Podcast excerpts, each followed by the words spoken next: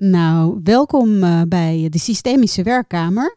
Um, de negentiende podcast inmiddels. Ja, inmiddels de negentiende. Uh, ja, vandaag is bij ons aan tafel uh, Bina de Boer. En ehm, ontzettend leuk, Bina. Welkom dat je bij ons wilt komen. En dat je met ons aan tafel bent.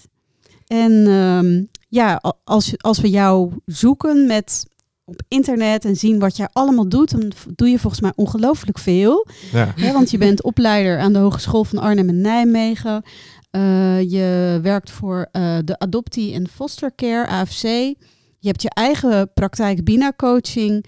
En uh, volgens mij heb je ooit DNA voor India's geadopteerden ook opgericht. Klopt, ja. Um, ja, hoe ben je zo in ons werkveld ja. verzeild geraakt? En zou je iets over jezelf willen vertellen? Ja, tuurlijk. Ten eerste wil ik jullie bedanken voor de uitnodiging. Ja, graag Heel fijn om hier te zijn en te mogen zijn.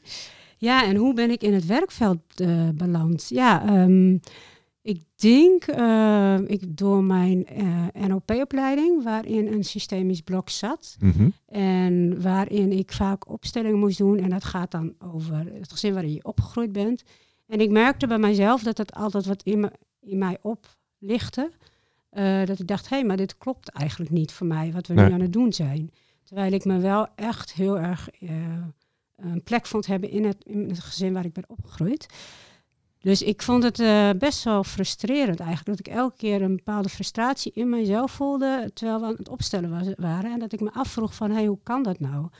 Uh, dus dat is eigenlijk de eerste band. En ten tweede was dat ik het eigenlijk heel mooi vond dat emoties die ik niet kon bewoorden, dat die tijdens opstellingen wel naar voren kwamen. Ja. En dat vond ik echt uh, een eye-opener. Mm -hmm. En uiteindelijk ben ik uh, vanuit de NLP-opleiding psycholo toegepast psychologie gaan doen. En daarna een systemische opleiding bij de School van Systemisch Bewustzijn van ja. Westra. Ja. En die is gespecialiseerd in migratie en verplaatsing en adoptie. En toen vielen er heel veel ja. ja. Heel veel kwartjes. Ja, ja, ja, toen dacht ik, ja, maar dit klopt. En nu snap ik waarom ik uh, weerstand heb gevoeld bij andere opstellers. Ja. Dat ik dacht, ja, maar nu kom ik echt op mijn plek en kom, kan ik in mijn lichaam landen. En, mm -hmm. Dus dat was, was echt een verademing. En wat ik zei, uh, ik vind het gewoon heel helpend dat je geen woorden nodig hebt. Ja. ja. want we hadden in het voorgesprek over talen is ook niet echt mijn, uh, nee. mijn ding. Uh, waar ik me echt, ik had vroeger ook heel veel moeite om het te kunnen verwoorden überhaupt. Mm -hmm. En door systemisch uh, werk en opstelling heb ik heel veel taal teruggekregen. Ja. Ja. ja. Dus dat is eigenlijk wel de, de reden waarom ik hierin ben beland en in ben blijven hangen. Dat ik zie dat het een hele helende methode is en dat het je dus woorden terug kan geven die je wel in je had en niet kon verklaren of begrijpen. Ja. Ja, ja. dus dat is eigenlijk de reden hoe ik daar uh, terecht ben gekomen. Ja. Ik wil even, wat mij even triggerde was, um, jij zei van uh, dat je bij een laatste opleiding tot systemisch, uh, met systemisch werk, ten opzichte van de eerdere opstellers, veel meer inzichten krijgen. Wat, wat, wat was het verschil daar, daarin? Nou, het grootste verschil is natuurlijk dat je de basisprincipes uh, heel duidelijk uh, weer werden gegeven. Ja. En dat betekent dat het systeem is het systeem waaruit je geboren bent en niet het Mhm. systeem waarin je opgegroeid bent. Ja. Ja, want uh, er werd altijd gesproken over een gekozen systeem en het systeem van herkomst. Ja. Maar voor mij was het, hè, mijn gekozen systeem zou dan mijn man en mijn kinderen zijn. Nou, dat klopt. Ja. Maar het gezin van herkomst, dat was niet mijn, uh, dat was mijn adoptiegezin. Ja. Maar dat klopt niet uh, als je de basisprincipes erbij Ja. houdt. En toch zag ik bij veel opstellers, en zie ik dat nog steeds helaas, Mhm. um, dat, dat het gezin van herkomst dan het adoptiegezin is. Ja. Ja. En dat maakt het heel ingewikkeld. Vooral als jij jezelf wil manifesteren in de wereld en je een plek in wil nemen. Ja. Ja. Want je begint al op een plek die niet van jou is. Ja. Exact. Ja. Ja. En dan moet je eigenlijk eerst langs die eerste plek, om het zo eens te zeggen. Nou ja, die, die ken je vaak ook helemaal niet. Want je Nee. bent zo geïdentificeerd met je adoptie-identiteit en met Mhm. wie jij bent geworden. Of eigenlijk wie de wereld heeft verteld dat jij bent. ehm, dat je eigenlijk helemaal niet herkent dat daar nog ergens een plek is of Ja. een, een land waar jij eigenlijk toe behoort. Ja. Dat, ja, dat maakt dat, eh, en als je hem wel herkent, zit er vaak, zijn, is er ook nog een kans op dat er trauma op zit en dat je er niet heen wilt. Ja. Dus het, het is, ja. En er zit nog een loyaliteitsaspect op van mag je erheen? Mhm. Vind je zelf dat je erheen mag? Ja. Dus het is best wel heel gecompliceerd. Ja. Dat als je ontdekt dat daar nog een plek is, Uh, dat je dus wel moet be bedenken van, uh, ja, maar als ik die plek, als ik naar die plek toe ga, ja. betekent dat ik ook iets loslaat. Ja. ja.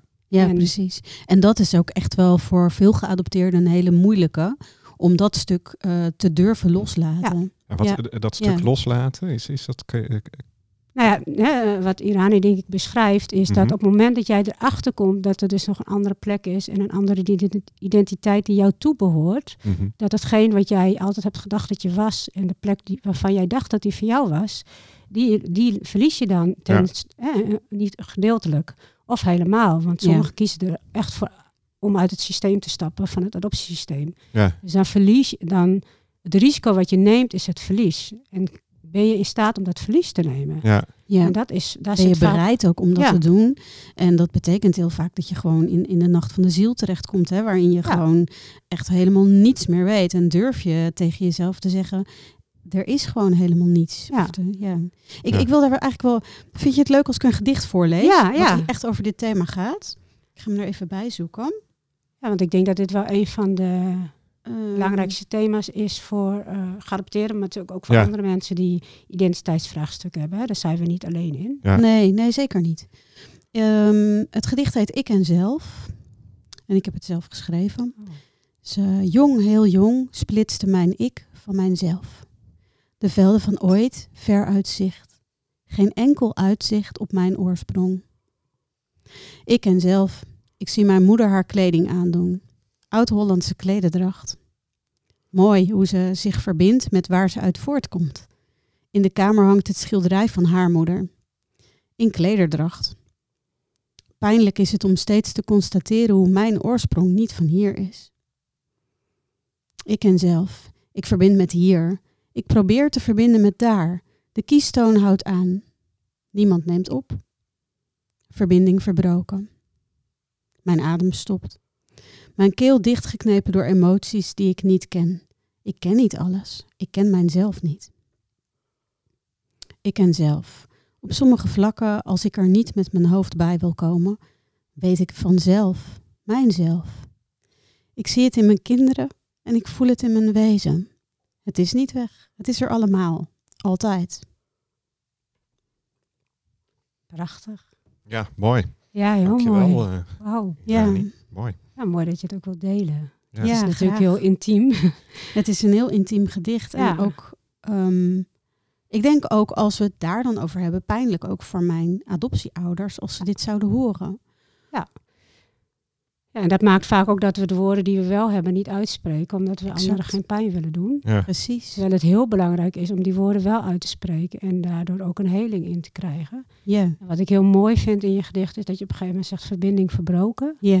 En ik denk dat daar wel een essentie ligt als je het over afstand en adoptie hebt. Mhm. Is eh, dat wij uh, eigenlijk de verbinding met onszelf verliezen. Ja. En uh, ik, dit, je hebt dit gedicht geschreven, ik heb ook een ge gedicht geschreven. En dat gaat ook over mijn kleine meisje, waarvan ik die, die dan Bina noemde. En dan had ik een volwassene, die, dat is Mirjam. Ja. ja dat is mijn Nederlandse naam en Bina is mijn Indiase naam.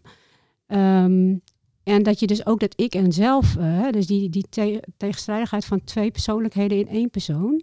Ja. ja want je hebt een, een, uh, een deel, een Begaals deel, ja. uh, een Hollands deel. En je wil alles niet verlogenen. En je wilt trouw blijven aan jezelf. Exact. Dus dat maakt het heel ingewikkeld. En ook de loyaliteit richting je ouders, maar ook richting jezelf. Want als ik voor Bina kies, uh, verlogen ik Mirjam dan. En als ik voor Mirjam kies, verlogen ik Bina. Dus het is een, eigenlijk een uh, schizofrene beweging. Ja, in, precies. Het is een splitsing. Ja, een splitsing. Ja, waarbij beide delen denk ik elkaar ook wel weer uh, kunnen ophalen op een bepaald moment. Dus ze kunnen ja. elkaar ook wel weer ontmoeten. Ja. Um, waarbij ik het wel met je eens ben dat je het ene stuk, je moet wel dat ene stuk bereid zijn om dat los te laten, om het onderzoek volledig te kunnen doen ja. naar jezelf. Ja, en dat vind ik dus het mooie van systemisch werk. Dat je in systemisch werk zie ik dat geadopteerden, en dat heb ik zelf ook mogen ervaren, delen ophalen. Ja. ja. dus als zij bereid zijn om het risico te lopen dat er verlies is en dat ze Ja. dus een deel van hunzelf verliezen, maar daardoor kunnen ze wel naar het oorspronkelijke deel.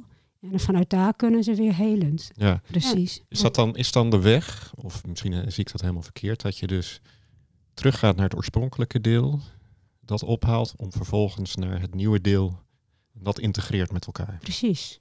Ja. En daar de heling op zit. Ja, Ja. ja en, en misschien kom je nog nieuwe delen tegen hè, die Ja. je nog niet kon, omdat je bepaalde elementen van jezelf toelaat. Mhm. Eh, dus je wordt eigenlijk nog veel meer completer dan dat je eigenlijk Ja. was voordat je besloot, eh, ik blijf bij de identiteit die ik heb. Want het risico is, is me te, te groot. Hè? Ja. Ja. En dat hoor je heel veel geadopteerden zeggen. Ja, maar ik ga die, die beerput niet openen. Nee. Want die, die, die box van Pandora. Want wat komt eruit? Ja, uiteindelijk kom jij zelf eruit. Ja, En de precies. verbinding die je herstelt met jezelf. Alleen dat kost ook. Ja. En ben Ja. je bereid om, dat, om dat, die kosten te betalen? Ja, Ja. precies. En dan even een vraagje, want je zegt, je, hè, je zit met dat loyaliteitsprobleem.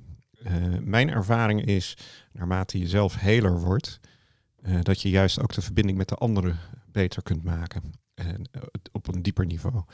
Merk je dat dan ook richting je adoptieouders? Dat je zegt van, ik heb mijn afkomst geïntegreerd. Ik heb die stukken, die, die zijn nu allemaal in mij aanwezig en ik heb er enige vrede mee, als ik je goed begrijp. Kun je dan ook met je, met je adoptieouders beter verbinden? Of Ja, nou dat, dat is de vraag. Mijn adoptievader is overleden toen ik 14 was. Oké. Dus eh, daar had ik een hele goede verbinding mee. ja, En dat was echt mijn eh, held eh, zonder cape. mijn superheld zonder cape. ja. En die is echt ook uit ons leven gerukt. Dus dat is, eh, dat, dat is eh, iets waar ik veel pijn en verdriet van gehad heb. Uitermate pijnlijk. Ja. Ja, hè, want eigenlijk ervaar je het eh, nieuw dat je ergens weg Ja. wordt gerukt. ja, nogmaals. Ja, hè, dus je verliest weer eh, een, gezin en een, eh, Ja. nou, ook eh, je huis en je school en je vrienden. Ja. Ehm, maar dat wist ik toen nog niet. Hè? Nee. maar je, wist, je, je merkte wel een absurd grote verdriet. En met mijn adoptiemoeder heb ik helaas geen contact meer. Nee. En eh, ik denk dat dat komt. En meestal wordt dat als ondankbaar en niet loyaal gezien. Mhm. Maar ik denk doordat ik loyaal aan mezelf ben geworden. Dat ik, Ja. En doordat ik mijn eigen stukken heb kunnen bekijken. En natuurlijk is dat nog steeds, leer ik daar nog steeds elke dag mee. Mhm. Maar ik heb wel kunnen zien dat, het, eh, dat adoptie eigenlijk een heel raar iets is. Want we worden bij elkaar gezet. En ik zeg altijd, op een datingsite heb je een betere matching Ja, dan bij adoptie. Hè? Bij adoptie Ja. is een kind... Kijk, ik dacht vroeger altijd dat ik heel gewenst was. Hè? Want dat kreeg ik ook altijd te horen. Ja, jij bent als geadopteerde moet je zo Mhm. gewend zijn. En nu weet ik, mijn ouders hadden een kinderwens en ik was beschikbaar. Ja. Zij zeiden niet, wij willen, wij willen Bina. Nee, zij Nee. zeggen, wij willen een dochter die Mirjam heet. En er is een meisje in India die beschikbaar is. Ja. En die gaan En wij die noemen Mirjam we noemen. Mirjam. Ja. Precies. Ja, Ja. En, en dat betekent niet dat, dat mijn adoptievader minder van mij gehouden heeft en dat ik minder van hem heb gehouden. Dus Ja. die liefde, die was Ja. zeker voelbaar. Alleen ik zeg ook, eh, dan is er ook een, keer een risico dat de liefde niet stroomt. Of dat je Mhm. niet met elkaar eh, op gelijke gedachten kunt komen. En Ja. ik denk doordat ik mezelf heb gevonden, dat ik ook rust kan vinden bij het feit dat ik eh, geen verbinding heb met mijn adoptiemoeder. ja, Eh, hoe triest dat en verdrietig dat ook is, want dat gun je jezelf natuurlijk. En ik Ja. gun het haar ook. Eh, maar het is wel de realiteit dat, dat, dat twee mensen niet altijd metsen als ze bij Nee, elkaar worden nee. gezet. Ja. het zou Ja. ook, eh, ja, weet je, de pijn van de kinderloosheid. ja, dat die, is die daar enorm tussen groot staat. hè, tussen Ja. tussen eh, eh, de adoptiekinderen en, eh, en de adoptieouders. Ja. Zeker. Ja, want dat heb ik dus bij, Ja. hè, ik heb bij DNA India, ehm, in de tijd dat ik daarmee begon, toen kwam, Mhm. kreeg ik heel veel eh, vrouwen die dus in de tijd waren dat ze ki- eh, kinderen kregen en eigenlijk zeiden, op het moment dat ik zwanger raak, ver- verwijdert de band tussen mijn adoptiemoeder en mij. Ja, En de logische verklaring is, is dat er gewoon nog onopgelost eh, ongewenst kindertrauma zit. Ja. Hè, want eh, we denken altijd van er is een kind die heeft geen ouders en er is zijn ouders die geen, geen kinderen hebben, dus die matchen we en dan is zijn alle problemen opgelost. Nou, ten Ja. eerste zijn de kinderen vaak niet wees. Nee, En dat weten we inmiddels ook. dat Ja. weten we heel Eh, goed. hè, vooral in Ja. Bangladesh is dat eh, heel duidelijk eh, terug te halen. In. India wat minder, omdat er heel geheimhouding omheen hangt. Ja. Eh, en ten tweede is het feit dat jij een kind mag opvoeden van een ander, neemt niet weg dat jij nog ongewenst kinderloos blijft. Nee. En eh, dat wordt ook Nee, niet geaccepteerd. Die pijn hè? is er ook. En voor veel ouders is de confrontatie met hun adoptiekind een directe confrontatie met niet een eigen kind hebben. Ja. En of dat dan iets is, hè, daar speelt ook loyaliteit dan van de adoptie, van, van de adoptieouders naar het kind weer. ja, eh, hoe, hoe eerlijk kan je ook naar jezelf daarvoor zijn? Hè? Ja. Of daarin zijn? Dus dat is ook een, een, een groot thema wat eigenlijk eh, best een heel groot taboe is. Ja, ja, en Rob Marraveen, hè, de adoptievader, die heeft er Ja. een boek over geschreven. Ja. En die krijgt ook best wel heel veel weerstand. Van Ja. ja. maar hoe kun je dat zeggen? Wat doe je je kinderen aan? En ik denk, goh, wat mooi dat je open een gesprek kan voeren Ja. met Ja, elkaar. precies. Ik vond het heel verhelderend. Ja. Eh, ik heb Ja. hem toevallig, eh, van de week was hij bij Humberto of zo, of op één, ik weet Ja, niet. Hij zat bij, een- hij zat Zou bij een van die, en ik denk, ja. Ja. weet je, dat is inderdaad iemand die vanuit de andere kant, hè, niet vanuit de kindzijde, ja, die durft vanuit een ander perspectief ja, te kijken. naar die adoptie kijkt en Ja. inderdaad zegt van ja, weet je, hij zal er heel gelukkig mee geweest zijn dat hij misschien eh, een babytje Ja. heeft, eh, heeft gehaald, zeg ik dan maar gewoon. zo. Maar ja, eh, de verhalen ook hè, in de generatie van mijn ouders, die ik dan hoorde van ja, het was altijd de trend van we hebben, eh, ze hebben eh, kindjes geadopteerd en nu zijn ze zo ondankbaar, want ze zijn recalcitrant en ze niet weten dat daar heel veel pijn en, eh, en Verdriet. verdriet onder Ja, zit. en ook gewoon wat jij zegt, de match niet. Nee. Nee. Dat, dat heb ik ook erg, ergens wel zo ervaren. Dat Ja. dat, hè, en ik, ik ben ze- zeker heel dankbaar naar mijn adoptieouders voor wat, wat er allemaal zeker wel was en is ook. Ehm, en tegelijkertijd weet ik ook nog heel goed dat mijn moeder vond dat ik stonk toen ik klein was. En dat ik me dat later pas realiseerde van ja, maar we hebben gewoon zeg maar de chemische match niet met elkaar. Nee. Ja, klopt. En ja, ehm, net als dat je verliefd wordt op een partner, op de ene persoon kan je verliefd worden, op de andere persoon niet. Nee. Heeft ontzettend veel met, met non-verbale signalen te maken. Ja. Met Ja. geur, met, met Het is, het is zelf in ons hersens geregeld, hè? Dat, Absoluut. Je, dat er een. eh, eh, nu ben ik geen ehm, hersenonderzoeker, dus maar ik weet wel dat er een, iets in je hersenen zit wat dus eh, volkeren aan elkaar linkt. Dus Ja. Mhm. ik zie dat jij ook eh Indian descent bent. ja, Bangladesh was vroeger ook een gedeelte van India en ik Ja. zie dat jij dat niet bent. Nee. En exact. dat maakt dat jij voor mij veiliger bent vanuit biologie dan dat Ja. jij dat Floris is. Ja. Ja. En, en dat is al biologisch geregeld, omdat we als kuddedier, hè, we zijn zoogdieren, we Ja. behoren tot een kudde en het, eh, alles wat afwijkt, dat moeten we kunnen herkennen vanuit de oertijd. Ja. Precies. En dat, dat stofje of dat, die cel, die zorgt ervoor dat, dat, dat ik jou herken en dat, Dat jij we mij elkaar herkent. makkelijker kunnen En dat er zien. sneller een verbinding tussen ons Ja. ligt, omdat wij weten van wij stammen van hetzelfde volk af. Precies. Ja, ondanks dat er een grens nu bedacht is door mensen, maar Ja. vroeger was, Ja, vroeger nee, was absoluut. niet zo. Mooi, ja. Ja. Dat is een heel groot gebied geweest. India, Pakistan, Bangladesh. Ja.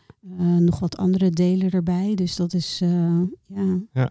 Nou ja, ik vind het, kijk, het verbaast mij niks, hè, want ik, ik, zelf zit, ik, heb ik iets met, met grond en aarde en, en wortels. Als ik ben half Zeeuw en ik ben half Brabander en ik woon in Dordrecht, als ik de Moerdijk over ben, komt er al iets over me van, hey, Ja. heb ik bekend. En als ik Zeeland binnenrijd, denk oh, wat een rust. Ja. En, en eh, daarbij geldt ook, mijn vader die is tot, nou ik geloof 1500 teruggegaan in de stamboom. Die wortels voel ik echt. Hè? Dat, Ja. dat voel je echt. En er zit een verbondenheid in. En, en ja, ik kan me voorstellen dat als je daar, als dat doorgeknipt wordt, dat je, dat je eh, een soort Nee, ontheemd. ja, Ja, gaat zweven, hè, Ja, als het.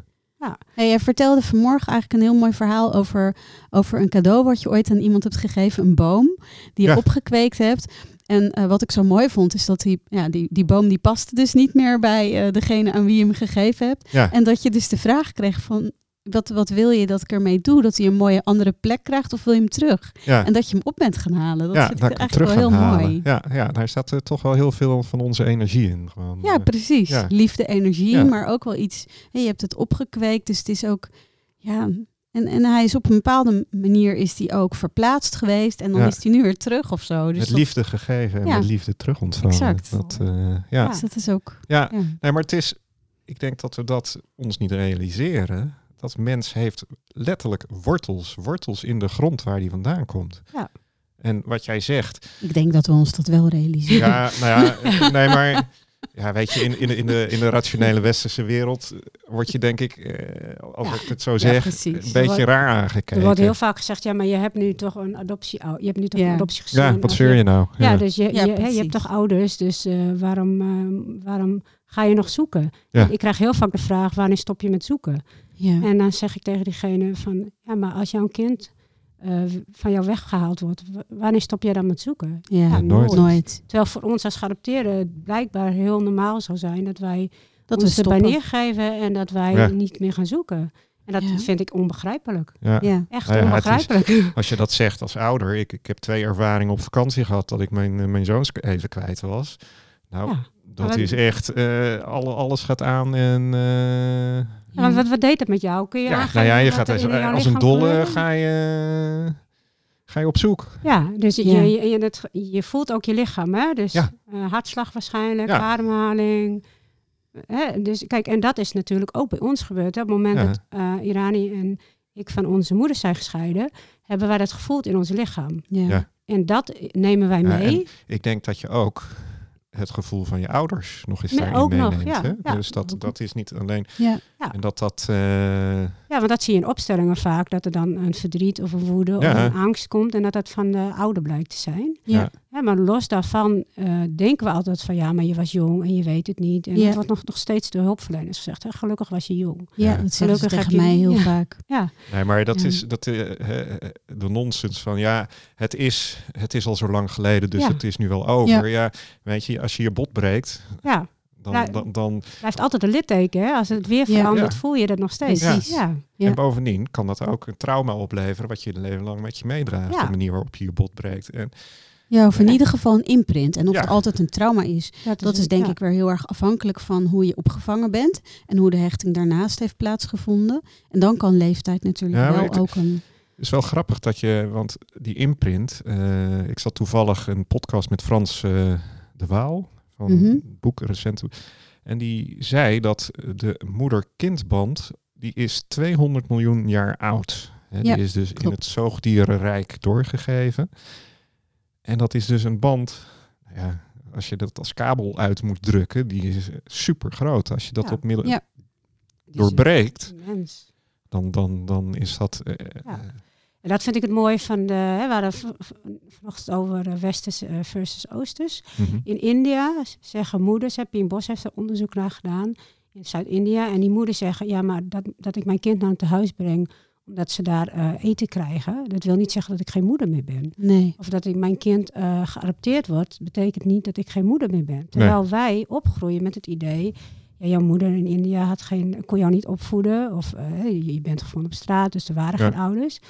Ehm, maar de Indiase mentaliteit, tenminste degene die ik ook Mhm. heb gemerkt, ga- zegt uh, juridische band uh, zorgt er niet voor dat de bloedband uh, nee, het is heel doorsneden wordt. Terwijl Ja. wij opgroeien met het idee, ja, ja. maar je bent nu ons kind.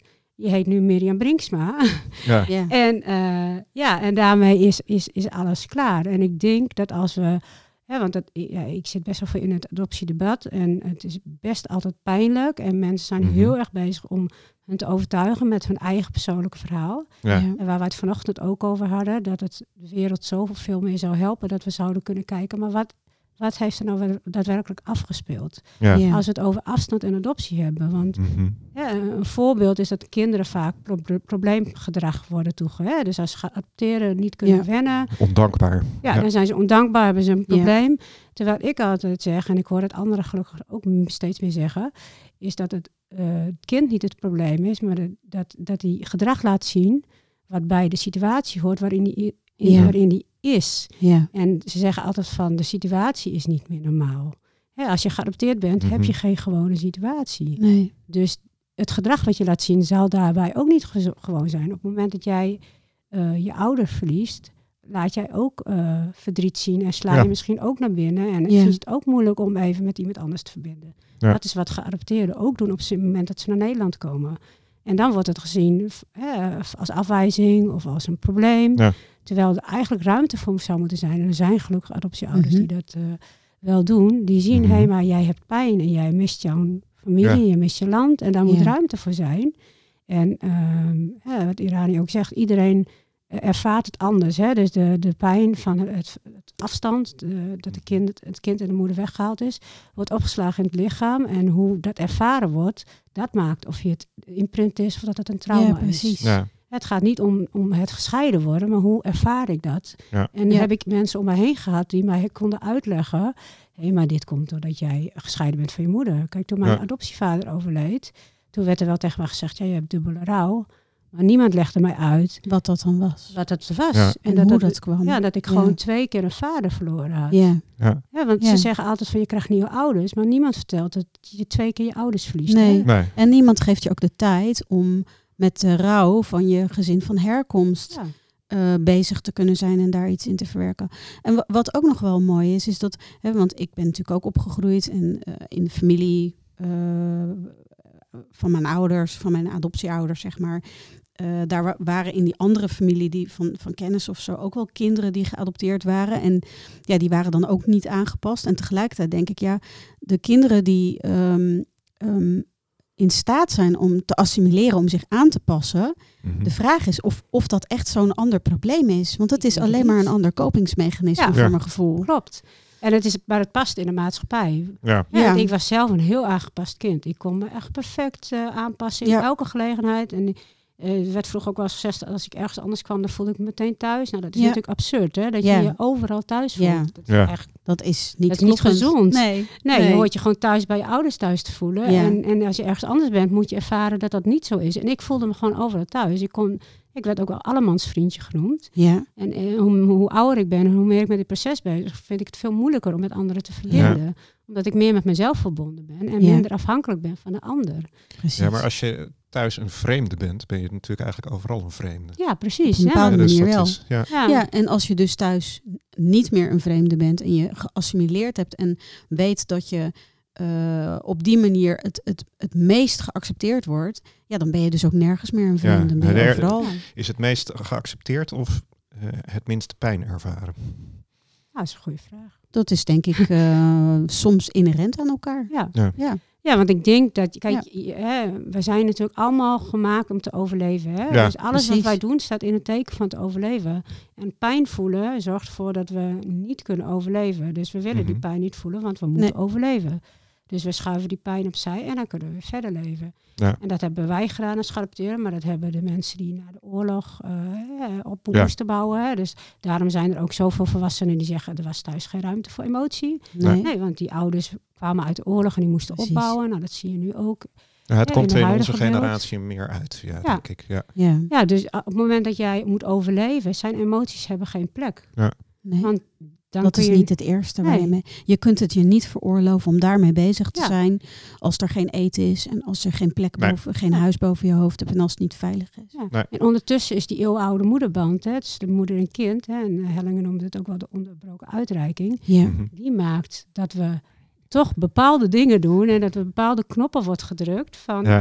eh, Ja. van ehm, en dat, dat begrijpen we er niet, want waarom doen we dat? Maar als je echt exact kijkt naar wat mensen doen, zie ik eigenlijk altijd dat ze eh, het verlangen wat ze als kind hebben willen hebben, dat ze dat aan het nastreven zijn. ja. Ja. precies. Ja, en het is om uitsluiting te voorkomen, Ja. biologisch Ja, want gezien. anders ga je dood. Want als je buiten de kudde valt, ga je dood. Ja. Overleef je Ik niet. durf te zeggen dat ehm, heel vaak ook het verlangen van eh, de kindsdelen in de ouders door de kinderen wordt uitgeleefd. Ja, ja absoluut. Dus eh, Ja, en, en ook de angst, hè, want eh, Precies. binnen SE, uh, met experience zeggen ze ook, de groot, in de grootste angst zit ook het grootste verlangen. Dus Ja, het, klopt. is, het is aan elkaar gelinkt. Ja. En op het moment dat jij het verlangen hebt om ergens bij te horen, ga je dan op zoek naar die plek hè, waar we het Ja. eerder over hadden. Want dat Ja. betekent dat je niet meer bij je adoptiegezin hoort. Precies. Hè? Ja. En dan ga je daar dan heen. Nee, daar ga je niet heen, want je wil, je wil ergens bij horen. Ja. Hè, dus het is echt zo'n... ehm, ja, je grootste pijn is ergens je toegangspoort. Ja. Om ook weer terug te komen in je lijf. Ja. Ja, en ik zeg wel, door, de, door het pad wat ik heb gelopen, en eh, ik had mezelf echt wel een ander pad gegund. dat kan ik ook heel erg eh, best erkennen. Maar daardoor kan ik wel eh, nu zo naar het leven kijken en het meegeven aan mijn kinderen zoals ik het nu doe. Ja. Ja. Dat had ik niet gekund als ik die obstakels niet had gehad. Nee, precies. nee, dat is ook zo. Want ik heb wel geleerd dat je niet kan bepalen wat je op het pad krijgt, maar wel hoe je ermee omgaat. Exact. En dat maakt of je, Ja, ja, of, je, of je door wil gaan met leven of niet. Ja. precies. Ja. Ja. Dus- Ja. Hey, even nog een vraagje die eh, bij, wat bij mij opkwam. Ehm, eh, ik, zit aan tafel met twee vrouwen, obvious. En ehm, Zien jullie nog verschil, of jij, van ehm, in hoe mannen ermee omgaan en hoe vrouwen ermee omgaan? Met adoptie bedoel je? Met adoptie. Ehm, ik denk wel dat het verschil is, omdat met Mhm. name vrouwen ook eerder geadopteerd worden. Hè. De, de, de rol van de vrouw is altijd minder waardig geweest eh, ten opzichte Ja. van de man. Terwijl eh, als je naar hele oude volken kijkt, is, ging, eh, bijvoorbeeld in Indonesië ging het erfrecht via de vrouw. Ja. Mhm. Ja, was de rol van de is man ook eigenlijk logisch. maar- minder belangrijk. Ja. ja, nou, de vrouw creëert en, en, Ja. en baart. Ja, en de man is, is maar in India zie je, dus, zie je dat ook, dat uiteindelijk de moeder van de vader vaak de, de broek aan heeft. De moeder van de, De vader. moeder van de vader. ja. Ja. Dus, en de vrouw gaat mee met, met de man. Ja.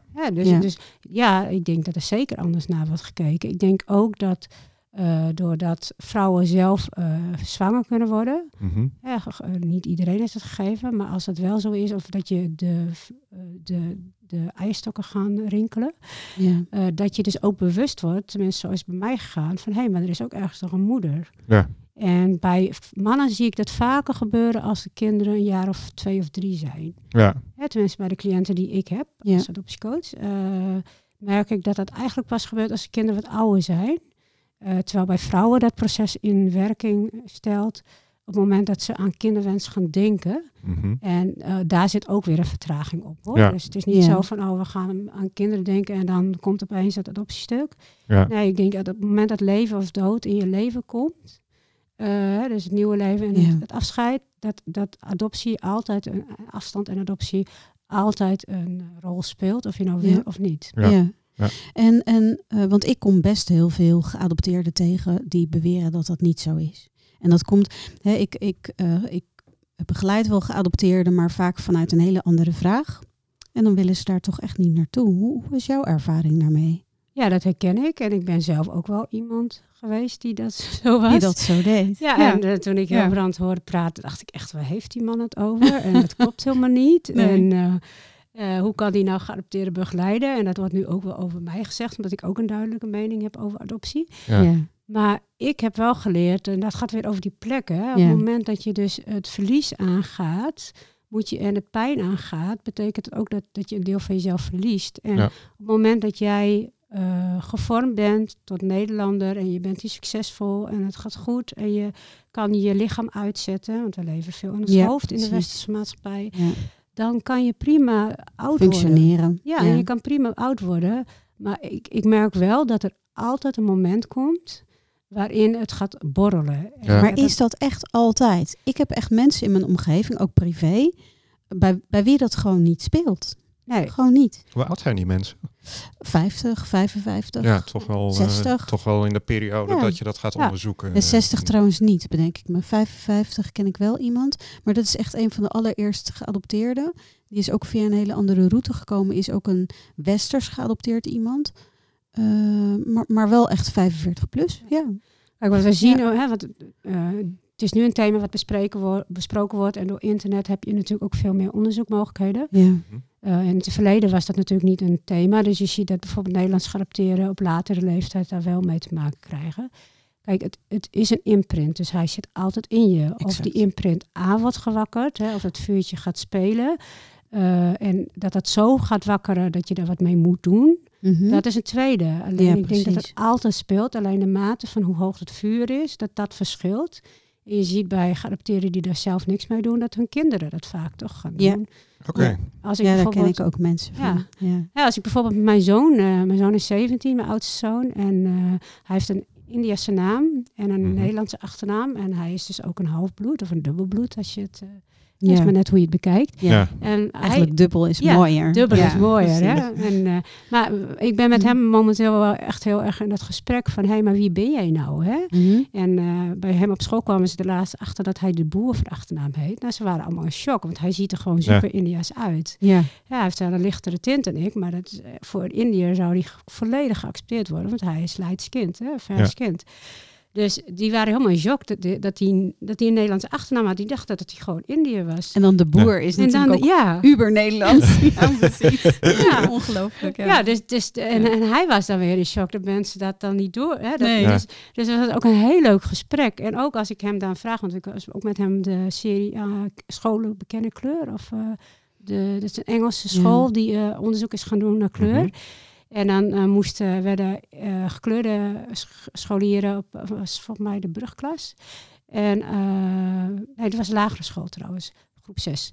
En die werden gesplitst van de, van de witte scholieren. En dan ging je kijken. En toen was één meisje, was ook een dubbelbloedmeisje. En toen vroeg ik aan Kieran, van hé, hey, maar welke klas had jij gekozen dan? Ging je dan bij de witte kinderen zitten of dan bij de gekleurde kinderen?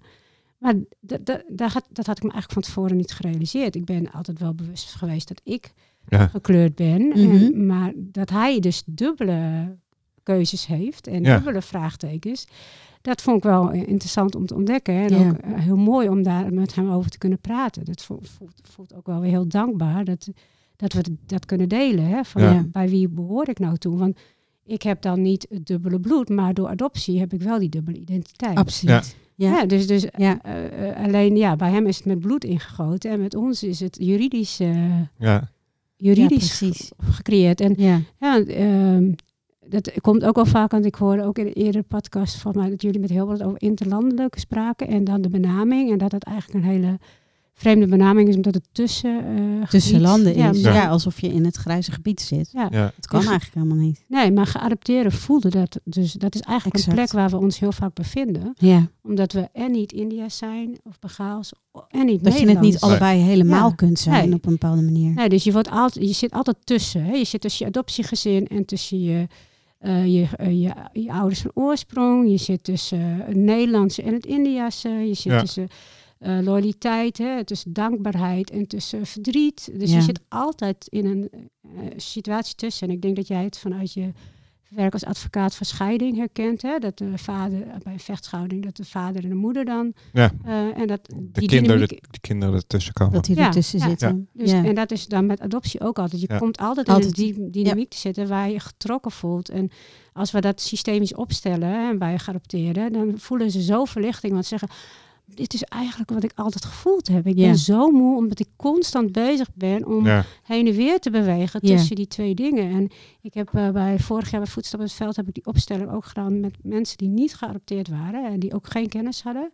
En dezelfde dynamiek kwam eruit. Dat diegene die eh, in de positie van geadopteerde stond, zei van ja, ik voel me echt verscheurd. Ja. Waar moet ik heen? Twee kanten op. Ik ja. wil, en je zag ook dat die eh, adoptieouders zeiden, ja, maar ja, eigenlijk hè, behoor jij tot hun en ben jij niet mijn kind. Maar om dat Nee. uit te durven spreken, want dat, Ja. Ja, dat is zo groot ook. want dat mag Ja. helemaal niet. Hè? We mogen niet de schaduwzijde van, eh, van afstand en adoptie Nee. bekijken. Is, nou ja, Ja. En als je kijkt naar de bloedlijnen, is het...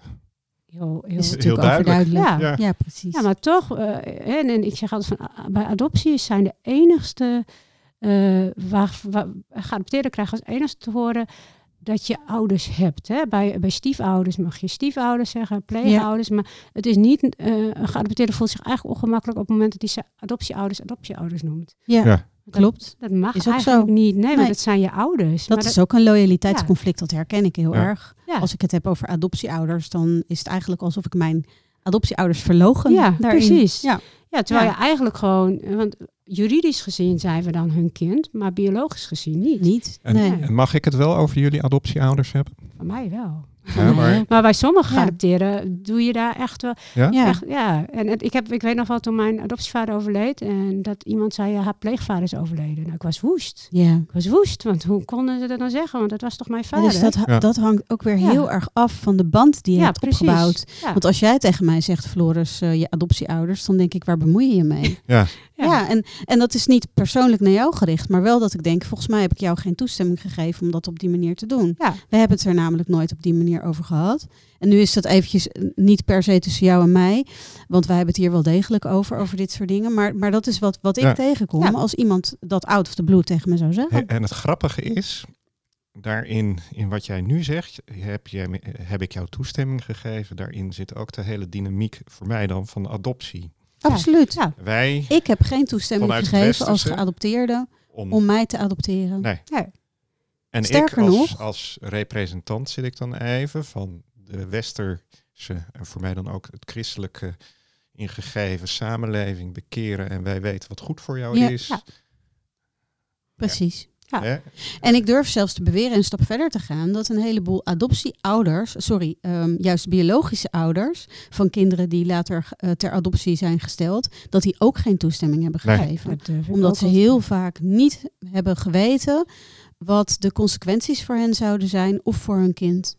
Ja. En dat het gewoon ja, toch een, een enorm probleem is. Ja, en heel veel ouders krijgen ook te horen, hè, wij gaan ze, ze gaan naar het westerse land, dan krijgen ze opvoeding en dan komen ze terug en dan gaan Ja. ze bijdragen hier. Ja, Dat hoor je in Afrikaanse landen veel. Maar in India dus, hè, de omstreken van India is het heel normaal eh, dat je gewoon moeder blijft. Ja. Wat we al eerder bespraken. ja, Kijk, en wat, wat ik zelf zo pijnlijk vind aan de hele, hele kwestie is dat het gewoon niet bespreekbaar mag zijn. nee. Ja. Ja, want, want ja, maar daar zit hij, hè? da- daar zit hij, dat, dat wij weten het beter. ja, En Ja, dan dus hij moeten mag- we ineens gaan erkennen dat wij, wij weten het eigenlijk ook niet. Nee, precies. Dus het eerste obstakel is al, we mogen het er niet over hebben. Ja. Want dat maakt überhaupt de hele, het hele gesprek al onmogelijk.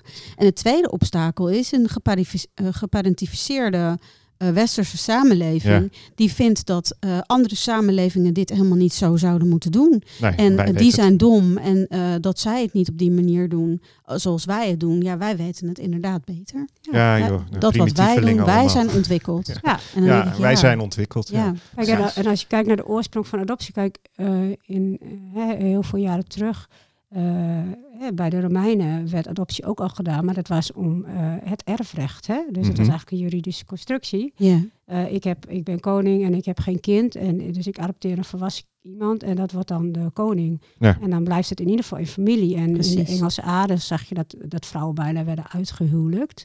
eh, om die Engelse adel te behouden. Ja. ja, en, en dan is het heel normaal. Maar als je kijkt naar eh, de huidendaagse adoptie, dat je een, een kinderwens eh, onder de wens voor een kind zet. ja. En dan nog steeds blijft pretenderen dat het een kinderbeschermingsmaatregel Ja. is. Dan denk ik, dan kun je dus niet objectief kijken. En het Ja. zit ook Nee. heel groot in het stuk wat jij aangeeft, Floris. Dat wij als westerse maatschappij denken dat wij white saviors zijn. En Precies. dat wij eh, eh, moeten redden. En dat hebben we heel vaak bewezen. Bijvoorbeeld in Indonesië, waar de Ja. dubbelbloedkinderen naar Nederland eh, moesten. En een katholieke Mhm. opvoeding. Ja. In België zien we dat. Suriname. Suriname. Hè, maar ook in Nederland is de adoptie ook ontstaan. Hè, want voor de Tweede Wereldoorlog dan mochten de ongewenst of de ongehuwd eh, moeders, ongehuwde moeders mochten hun kinderen houden, want dat was hun straf dat ze dus zich Ja. moesten redden. Maar na de Tweede Wereldoorlog Moesten ze afgestaan worden. moesten ze afgestaan worden. En de oorsprong daarvan ligt ook dat heel veel Joodse kinderen opgevangen waren bij eh, eh, protestantse, volgens mij, gezinnen. Mhm. Ja, En eh, toen de Joodse families terugkwamen en die kinderen terugkwamen halen, toen werd er eigenlijk besloten van ja, maar ze kunnen veel beter een westerse opvoeding. Ze hebben ook Precies. westerse namen. Ze hebben Ja. een Joodse naam niet meer. Ja, dus het idee dat een westerse witte vrouw een kind beter zou kunnen opvoeden dan de moeder zelf. Ja. Ja, dat, dat zit in onze, onze geschiedenis. Ja. ja. Nou ja, Kijk, kijk wat er nu aan het licht komt in, eh, in de Verenigde Staten en Canada. Dat eh, de Native Americans, dat de kinderen gewoon daar weg werden geroofd Ja. en in, in kostscholen werden gestopt. eh, Ja. En, en eh, waar ze ook als vuil children. behandeld werden eigenlijk. Hè? Maar Ja. het is, ja, hoe traumatiserend ben je dan bezig als westerse eh, samenleving? ja, en ik denk dat het ook een stuk overleving is. Want als ik bijvoorbeeld kijk naar het kastenstelsel in India, Mhm. Dat is in 19, eh, rond de jaren 50 is dat afgeschaft. Hè? Daar heeft Ja. dan niet toe voor gestreden. Maar tot op de dag van vandaag wordt het in stand gehouden. Ja. Ja. En eh, dat is puur om te zorgen dat ik bij een hogere rang hiërarchie hou dan de, degene eronder. En als je teruggaat in de tijd, is het een, eh, door de Ariërs ingevoerd. Ja. Mm. Hè, dus het is helemaal niet in die. In, in, Een Indiaas origineel Nee. nee, het, is, het is vanuit de Ariërs en van de kolonisatie is het ingevoerd om eh, grip te kunnen krijgen op de bevolking. Ja. En bepaalde mensen kunnen belonen als zij beter luisterden. Ja. Ehm, en, maar de bevolking houdt het zelf in stand. Ja. En je komt daar gewoon niet uit. Nee. Ja, bijzonder is dat. ja, hè? terwijl het al, lang, het is al eh 70 jaar vrijgegeven. Ja. En dat eh voor mij zei ehm Iger, eh, Edith Iger, die zei- beschreef het ook in haar boek. En dat kwam volgens mij weer van eh, Victor Frank. dat eh, mensen die uit de concentratiekamp kwamen, Mhm. eh, naar buiten liepen en weer terugliepen en weer in, in, in de, Ja. in de Ja. kamp gingen zitten. Precies. Ja, dus Omdat ze zich daar nog het meest thuis voelden en zichzelf konden voelen. Ja. Ja. En die dynamiek Ja. zit dus ook onder een stapje uit je, hè, systemisch gezien, uit je gezin. Ja. ja, Of niet, want precies. waar is het veilig? Hè? En Ja. kies Ja. je voor de, de onzekerheid en de onveiligheid en de kans dat je uitgesloten wordt Ja. of dat je niet toebehoort? Of kies je voor eh, jouw eigen oorspronkelijke identiteit en Precies. jezelf Ja. kunnen manifesteren in de wereld?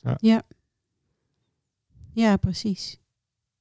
Ja, dat is best wel heel veel wat we... Dat is wordt even snel gezegd, maar het is best ja, wel... en het merk is echt stil heel groot. worden. Het is heel Het groot. is Ja. heel groot. Ja. en dan Ja. hoe kunnen wij dan, hè, hoe, kunnen, en, en hoe kunnen mensen die niet mogen zijn wie ze oorspronkelijk zijn, hoe kunnen die zich dan man- manifesteren? Hè? Ja. Ja, En we zijn heel succesvol omdat we ah, ook heel goed kunnen overleven. precies. Hè, Ja, ik dat is, eh, eh, eh, eh, Paul Sutherland is een, eh, een verslavingspsycholoog uit Engeland en die kreeg heel veel eh geadopteerden in zijn praktijk. En die zei, Mhm. je zag nooit dat ze geadopteerd waren. Je zag nooit dat ze verslaafd waren. Want wij zijn zo goed geworden in overleven. Precies. Ja. Want als we niet overleven, gaan we dood. Ja. Dus, Precies. ja, dus Ah, het ja. heeft altijd weer terug te leiden naar, naar overlevingsdrang. Ja, het, weg, het wegpakken bij de moeder.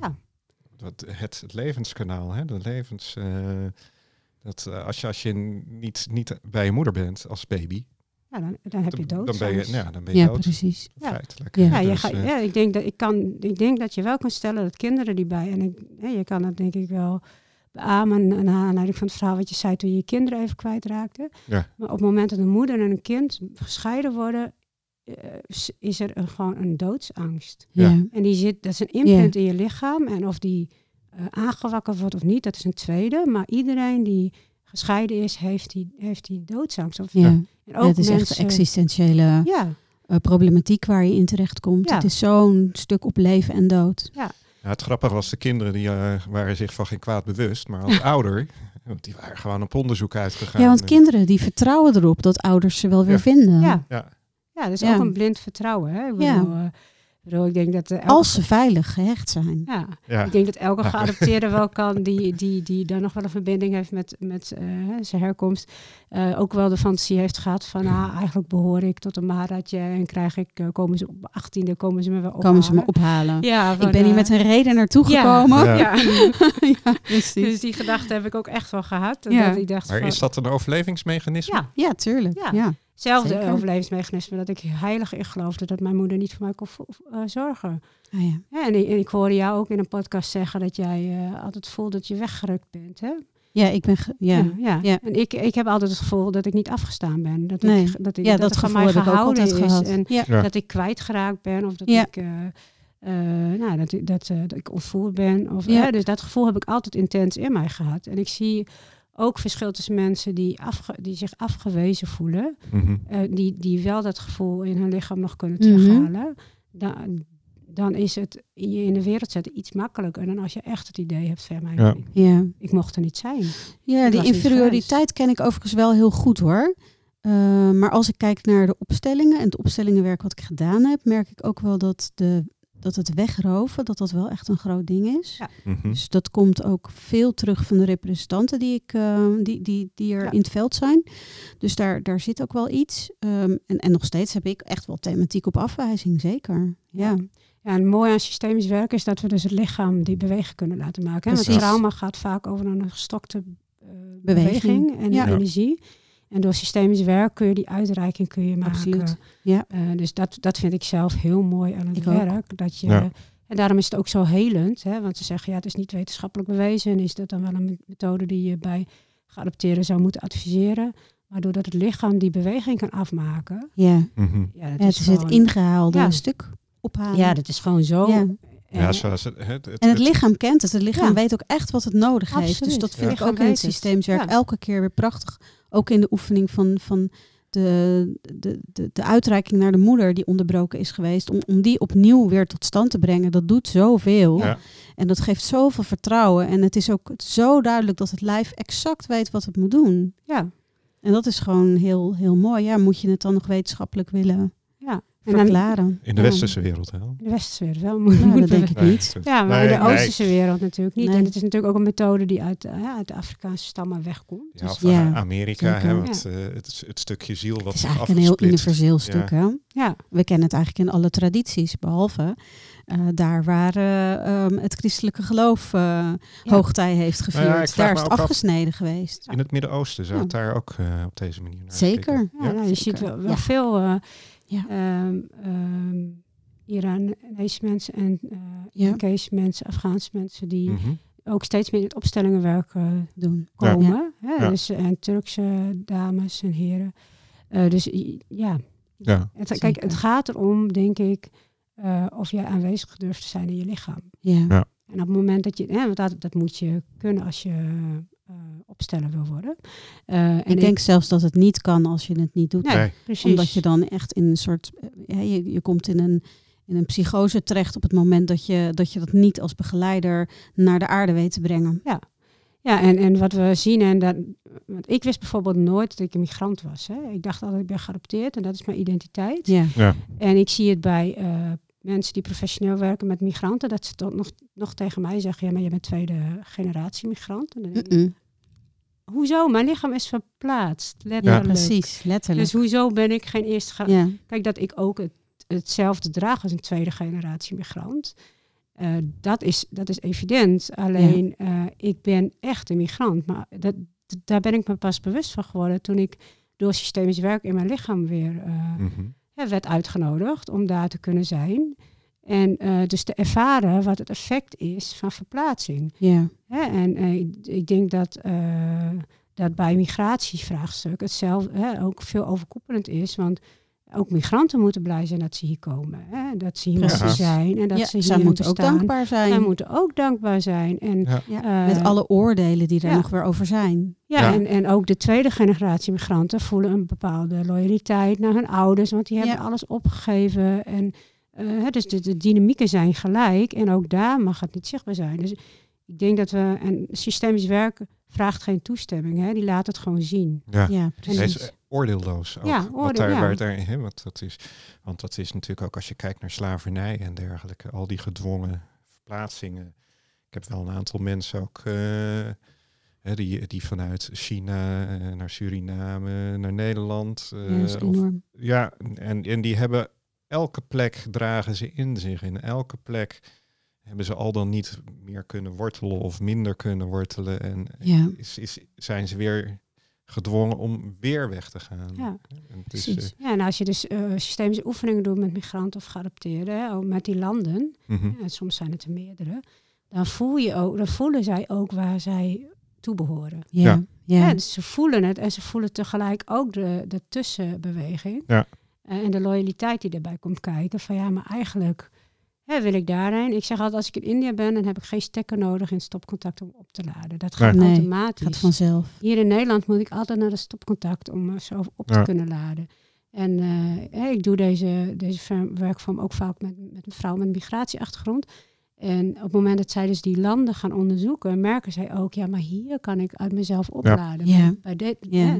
En afhankelijk of het een geboorteland is, of het land waar ze in op zijn gegroeid, of het land waar ze nu wonen, daar zit vaak nog wel eh, ja, veel eh, Turkse Marokkaanse vrouwen gaan ook heen en weer. Ja, precies. Ehm, hè, Ja. dus, dus die hebben soms nog net iets meer band. Ja. Ja. Weten Ja. ook waar ze vandaan komen. Ja, maar Ja, ook maar dat- die worden soms alleen teruggebracht naar hun oude, Ja. grootouders en moeten daar maar. Ja, dus daar zit, er Precies. zitten heel veel overeenkomsten in Ja. dynamieken. En ik denk dat er heel veel opgelost zou worden als we gewoon durven te kijken naar het lijden van anderen. Ja. De, eh, mensen hun eigen lijden durven te laten dragen. En dat we niet, Ja. Omdat ik het niet kan aanzien dat jij pijn hebt, dat het er gewoon niet mag zijn. Nee, Nee. precies. Maar ja, daar is Maar dat is ook denk ik eh, de geraaktheid in onze samenleving mag er überhaupt niet zijn. Hè, eh, als ik, eh, ik heb afgelopen woensdag een teamdag eh, gedaan. Ik heb eh, dit gedicht, wat ik hier ook voorlas, heb ik daar ook voorgelezen. Daar was ik eh, best heel geraakt over. En dan hoor ik later van iemand terug te zeggen, ja, ik had eigenlijk geen woorden die groot genoeg waren om je te troosten. Toen zei ik, maar wat maakt in jou dat jij ja, de dat behoefte troost. voelt om mij Ja. te troosten? Wat, wat in jou zorgt ervoor dat jij het gevoel hebt dat je dat moet doen? Ja. want dat is helemaal niet. Mijn geraaktheid laten zien betekent niet dat er iets moet gebeuren. En over wie gaat het troosten? Hè? Exact. Wie hoort dat woord dan? Exact. Dat gaat niet over jou. Nee, precies. Jij hebt geen behoefte om getroost te worden. Nee, sterker die nog, andere- dat zou voor mij helemaal niet een helende beweging zijn. Zij- En ehm het zou eigenlijk wel weer afdekken, hè? maar het, ja, het, het, Ja, het relativeert en het zorgt ervoor dat iets er niet mag zijn. Dus wat ik super mooi vond, is dat deze persoon juist zei van het was niet groot genoeg om daar iets mee te doen. Dus die heeft heel goed afgestemd gevoeld Ja. dat er dus niks was. Mhm. En, eh, en, en het mooie is van ja, wat, wat, wat zit er dan bij jou eh, om, om dat te willen doen? Ja. En, ehm, en, en dat is ook mooi. Dat hoeft ook helemaal niet afgewezen te Ja, worden. want het werkt twee kanten op. Hè. Ik, ik Absoluut. herinner me nog toen ik in mijn proces kn- knalde en ik was echt heel erg verdrietig. Ik kon eigenlijk alleen maar huilen en ik begreep het nog niet helemaal. En ik kreeg een nieuwe functie als manager. Ik kreeg zes leidinggevenden met teams eh, onder mij. En ik heb op een gegeven moment, het waren allemaal mannen, en ik heb op een gegeven moment gezegd, weet je, ik zit in een fase in mijn leven waar ik soms gewoon in spontaan een huilen uitbarst. Ja, En dat ik heel erg verdrietig ben. En, maar dat gaat niet over jullie, omdat jullie zo irritant zijn. maar het gaat over omdat ik pijn heb. En dat, die pijn, dat ik die pijn hoort doorleven. En ik heb daar vanuit hun zoveel respect voor gehad. En ik heb gewoon ook Mhm. als manager daar gewoon soms echt eh, mijn pijn kunnen laten zien. ja mooi. En daardoor hebben we heel veel verbinding gekregen. Dus ja. eh, juist door het niet te troosten of toe te dekken, maar door, Ja. te, door dat gewoon Door het benoembaar te grote maken. witte mannen gewoon zagen dat daar een donkere Indiase vrouw zat die haar moeder miste of die, Ja. haar, Ja. die, die verlies leed. Ja, Ja, dat, zij, ik heb, ze hebben daar heel veel respect voor uitgesproken. En dat heeft, dus het gaat inderdaad om, kun, om, om beide partijen, waar we het vanochtend Ja. ook over hadden, dat ons gedrag niet gerelateerd aan anderen is, maar aan je eigen behoeftes Precies. en Ja. angsten. dus het Ja. gaat over op je eigen billen zitten Ja. en vertellen hoe iets voor jou is en dat delen. Ja, Ja. En dat raakt de ander op een bepaalde manier wel of niet. Ja, en dan En, zit de eh, verbinding in ook wel een beetje, denk ik, in hoeverre de andere bij zichzelf kan blijven. In Ja. De pijn. Ja, maar dat, en dat is dan niet aan, aan de ander. Nee, Want dat is, dat is de uitnodiging. Dat als je bij jezelf kan blijven en in je eigen lijf bent, dat de ander dat ook mag. Ja. Ja. En of de ander dat dan wil of kan, dat, dat is niet aan mij in Nee, dat opzicht. nee. Dus dat is ook oké. Ja, ik heb Ja. ook als ik met groepen werk, dan is altijd een van de regels is dat iedereen recht heeft op zijn eigen verdriet. Ja. Precies. En op het moment dat er iemand in een groep verdrietig wordt, je kan een tissue geven of een box neerleggen, maar je Ja. gaat niet iemand omarmen en knuffelen Nee. en troosten. Want vaak als je dan vraagt voor wie is die behoefte, Ja. dan is Ja. die niet van de ander. Hè? Nee, dat gaat je ook precies. net heel mooi ja, aan. en je kan het wel vragen. Is er iets waar je behoefte aan Ja, hebt? precies. En als iemand dan zegt, nou, ik heb echt even Zo, armen om me heen ja. nodig, prima. Ja. Weet je, dan kom dan, Ja. als het passend is voor de ander om dat te geven. Ja, Dus dat is, dat is heel mooi. Dus, dus check het altijd inderdaad. Ja. ja. Wat, ja.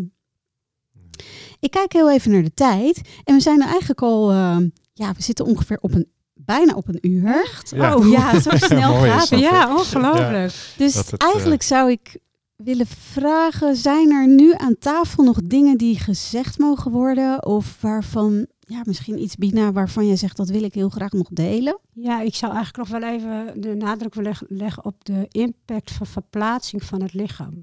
Ja. Ja, eh, Oh, mooi. Ja, want hè, ik kwam hier vanochtend binnen en hier staan drie stoelen met microfoons. En toen werd er gezegd van, hè, wij zitten daar, jij kan daar neergezitten, hè, want wij hebben onze eigen plek. Ja, Maar precies. stel dat ik nu tegen jullie zeg van, ja, Floris en Irani, ik, ga, ze- ik wil dat je nu omdraait en jij gaat Ja. op de andere plek zitten. Wat doet dat met jouw lichaam? Ja, precies. Dat is, het voelt voor mij heel onprettig. Ja, en waar Ja. merk je dat aan? Nou, gewoon, ik merk dat in mijn lichaam. Dat, dat, Mhm.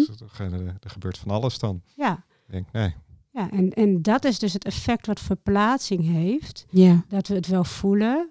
Ja. ehm, maar dat het vaak voor migranten en geadopteerden niet gevoeld mag worden. nee.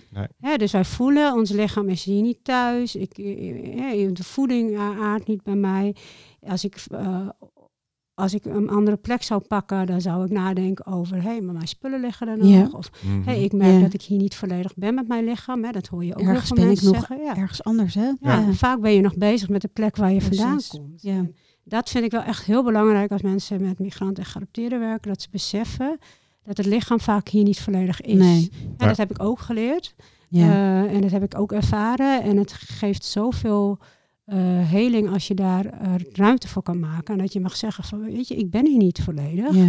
En mhm. dat is ook oké. En binnen Somatic Experience leren we bijvoorbeeld ook dat je niet... Hè, want er wordt altijd gezegd over aanwezigheid, van ik moet 100% aanwezig zijn. Ik heb echt waargenomen dat je dus op bepaalde plekken in je lichaam gewoon niet aanwezig bent, maar dat je wel aanwezig kunt zijn. Ja. Ja. dus dat er ook nog een verschil zit tussen volledig in jouw lichaam zijn of bepaalde plekken die nog zo, waar nog trauma of een imprint op zit waar je niet wilt zijn. Ja, maar dat maakt niet dat ik niet aanwezig ben. Nee. Dat verschil uh, vond ik zelf vroeger wel heel eng, want ik dacht, ja, maar ik wil niet in mijn lichaam zijn en hoe kan ik dan opstellen?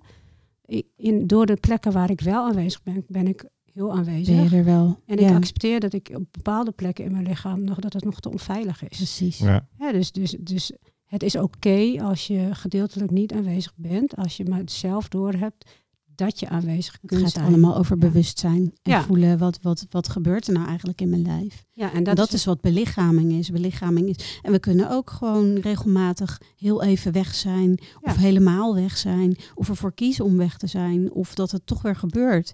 Ja, Ook het in en uitgaan. En dat is heel dienend, hè?